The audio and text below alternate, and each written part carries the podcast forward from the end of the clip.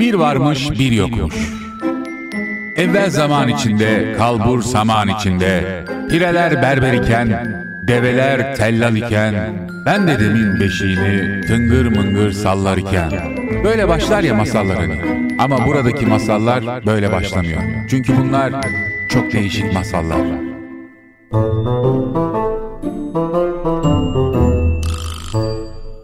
Sürtük. Sürtük mevzu sıkmadı mı biraz? Yani şöyle düşünün hani sıkmadı mı derken komik değil. Ve bunun üzerine hala Twitter'da orada burada espriler yapılmaya devam ediyor. Ve ya bir de savunanlar çıktı. Böyle bir durum var. Ya işte orada sürtük bütün herkese demedi sadece vandallık yapanlar. Ya bunu da savunmayın be kardeşim ya. Bu da savunulmasın be. Hani savunulacak şey var, savunulmayacak şey var. Yani şimdi kalkıp da yandaş e, kanallardaki bir takım programlar bile meclis konuşmasını verirken e, o kısmı atlayıp veriyor. Yani o sürtük kelimesini sansürlüyorlar düşün. Ya bunu da savunma ya. Sus ya. Sus de ki evet yanlış oldu de ya. Yani bunu kutsamanın bir kişiyi kutsamanın bir anlamı yok ki. Yani yanlışsa yanlıştır.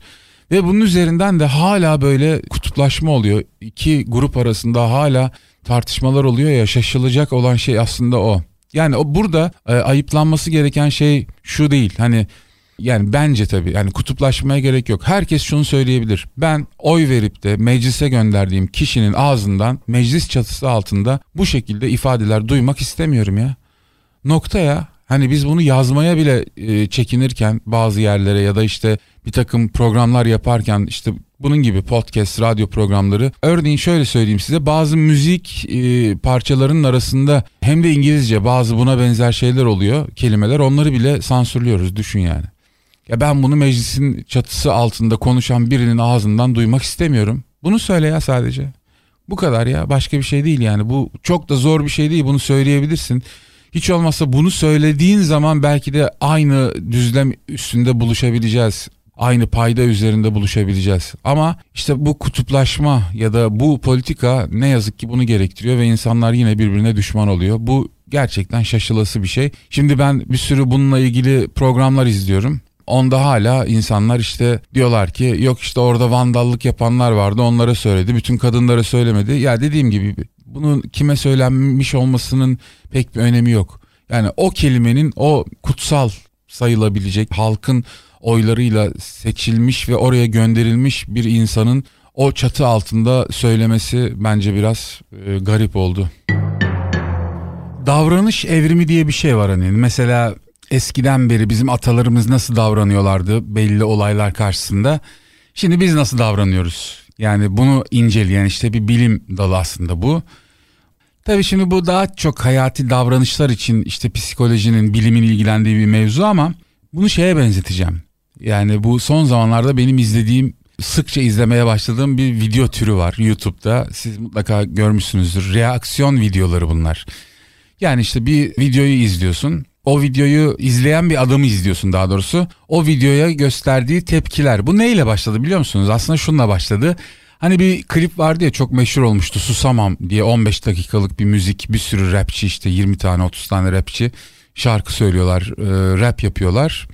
İşte o Susamam'ın video klibiyle ilgili bunu bir takım bazı reaksiyon videosu çeken insanlara göndermişler. Yabancı işte Amerikalı, Alman, İngiliz işte başka milliyetlerden. İşte bunu izleyin ve buradaki altyazılardan bakarak tabii doğal olarak anlamaya çalışıyorlar onlar da. Bu müziğin içinde neden bahsediyor bu lirik ya da şarkı sözleri nasıl falan filan diye.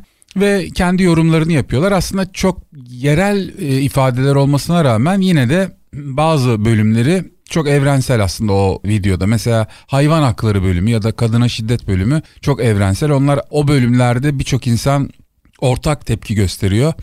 Ama mesela diyelim ki adalet bölümü bizim ülkemize has bir şey olduğu için aynı tepkiyi veremiyorlar. Çok az milliyetten insan bizimle benzer tepkiler verdiler buna. Benim izlediğim kadarıyla. Şimdi burada anlatmak istediğim şey şu. Bir kere böyle bir video izlediğiniz zaman hemen YouTube önünüze işte algoritma diyoruz ya bunu hani algoritmadan dolayı bunu da izle bunu da izle diye önerilerde sunuyor. Şimdi her müziğin kendi kültüründe farklı hissettirmesi durumu alışılmış bir durum. Biz 1990'lardaki Amerikan rapinde de bunu çok fazla hissetmiyorduk mesela. Orada da doğu batı kavgası vardı. İki grup arasında yaşanan sorunlar işleniyordu falan. Şimdiki Amerikan rap tabii çok farklı yani artık e, siyahiler bütün haklarını neredeyse aldılar. Hepsi zengin. Şu anda işte göt, baş, kıç ağırlıklı şarkı sözleri var.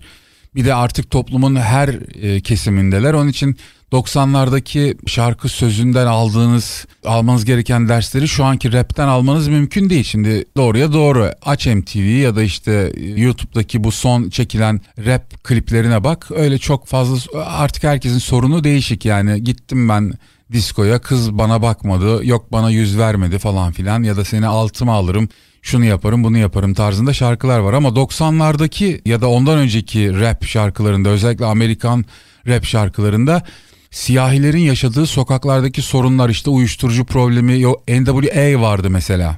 En önemli gruplardan bir tanesi. İşte polisin o kesime uyguladığı şiddet falan filan şarkı sözlerinde hep bunlar geçer. Ama şimdikiler tabii hep seks, uyuşturucu partileri vesaire bunlarla ilgili. Şimdi Notorious B.I.G., Tupac, demin de söylediğim gibi NWA'deki sorunları bunlarda bulamıyorsunuz. Tabii şöyle bir de durum var.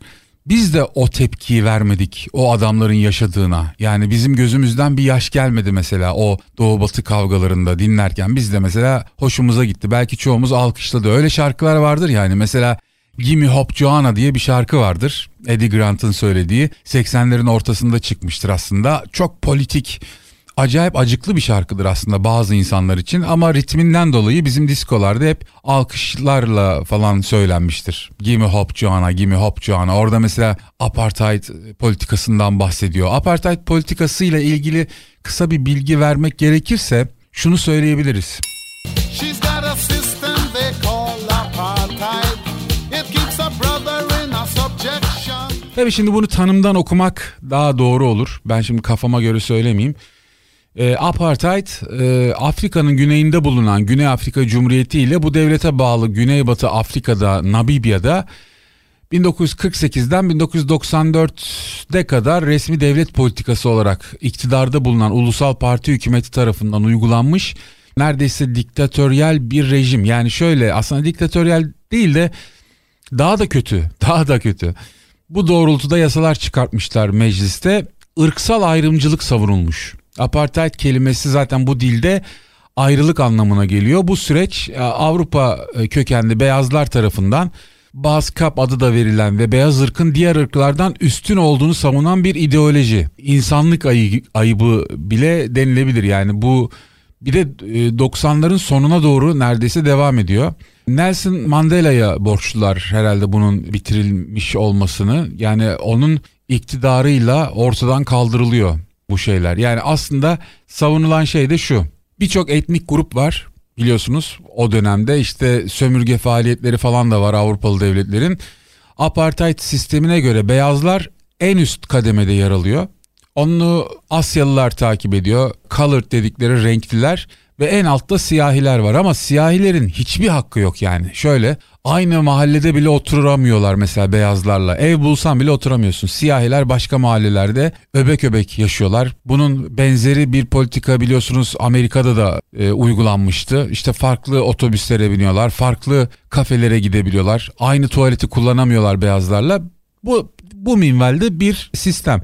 Yani bu Gimme Hop Joanna da aslında bu sistemi eleştiren işte demin şarkının içinde de duyduğunuz gibi bu böyle bir apartheid sistemi var diyor mesela Eddie Grant ve o sistemi eleştiriyor ama bizim diskolarımızda, gece kulüplerimizde 80'lerden sonra 90'ların başına kadar insanlar e, oradaki yaşayan, bu sistemi yaşayan insanlar acı çekerken biz burada bunu alkışlayarak belki dinledik bu şarkıyı. Ne kadar acı değil mi? Bence öyle yani. She's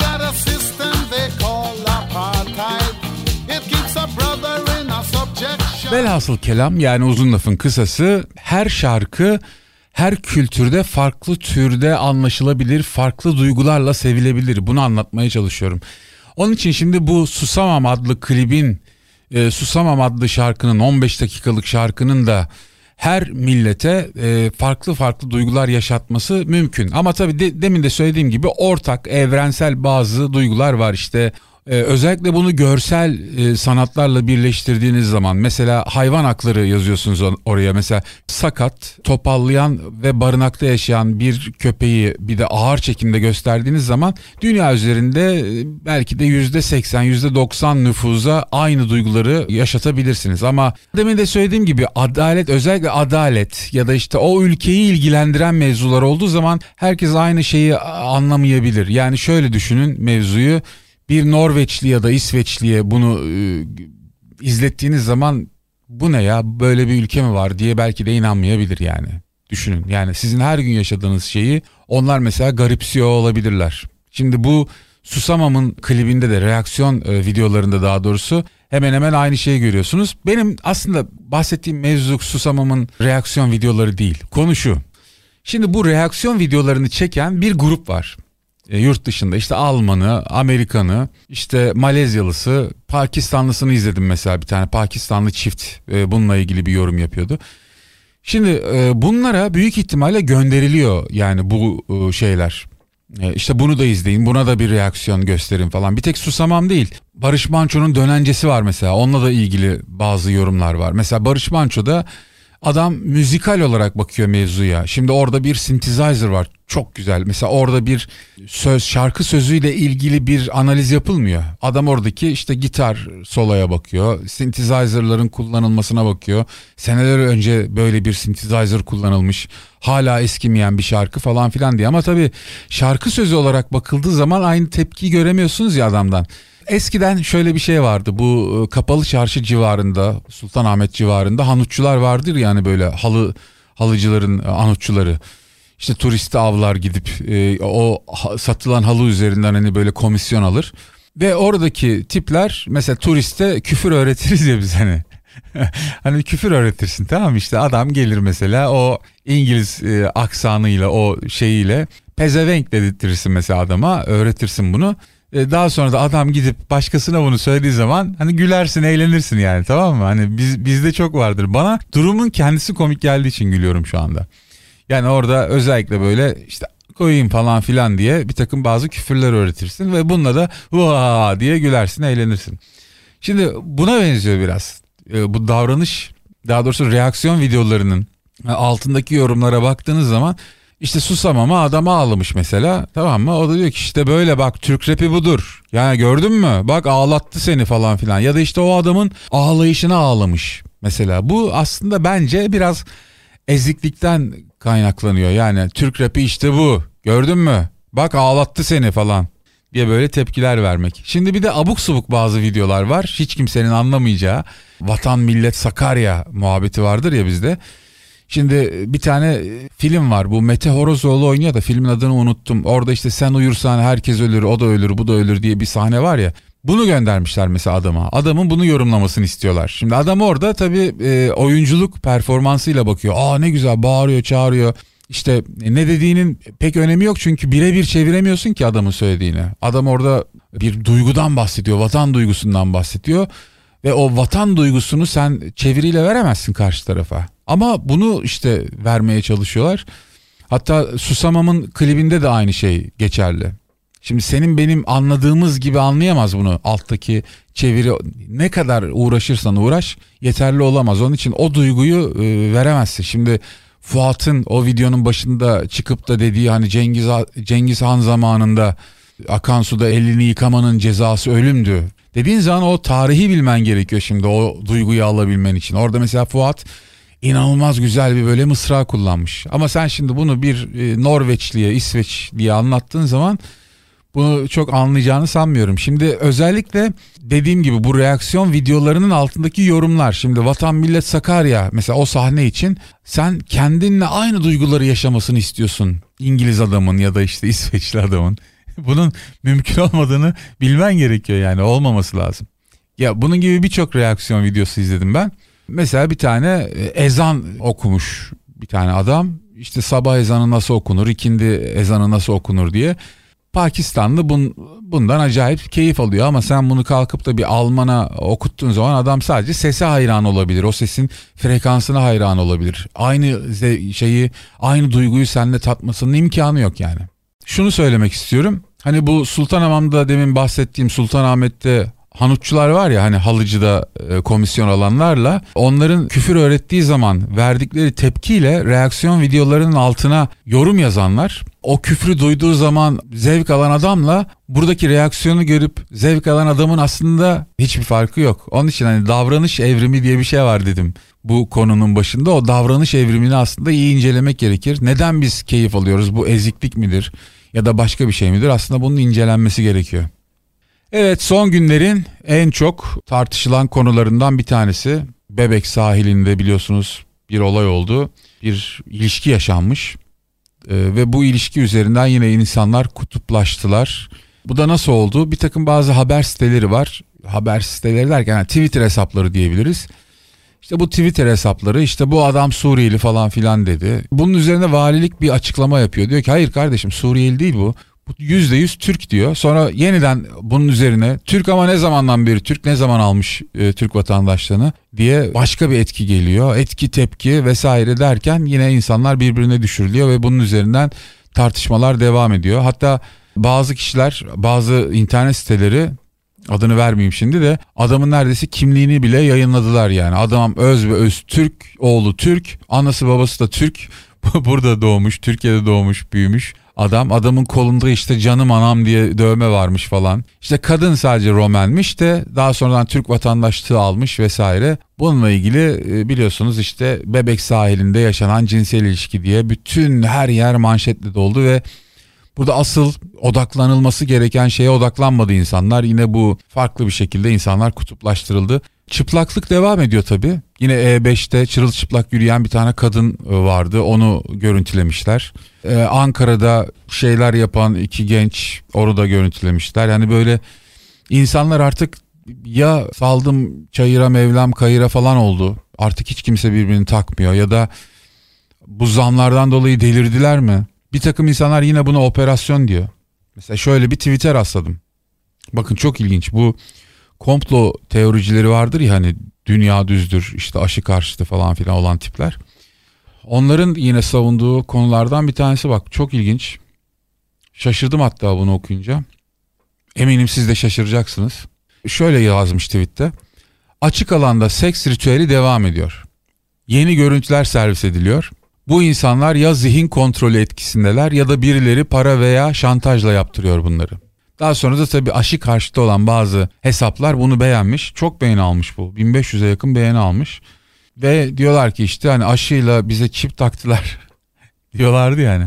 Bununla bizi yönetiyorlar işte. Adamın mesela evden çıplak çıkmasını sağlıyor ya da işte dışarıda soyunmasını sağlıyor falan. Çünkü hani normal bir insanın yapacağı hareketler olmadığı için bunlar insanlar böyle şeylerle bir de bunlara inanıp tweet atıyorlar bunlarla ilgili.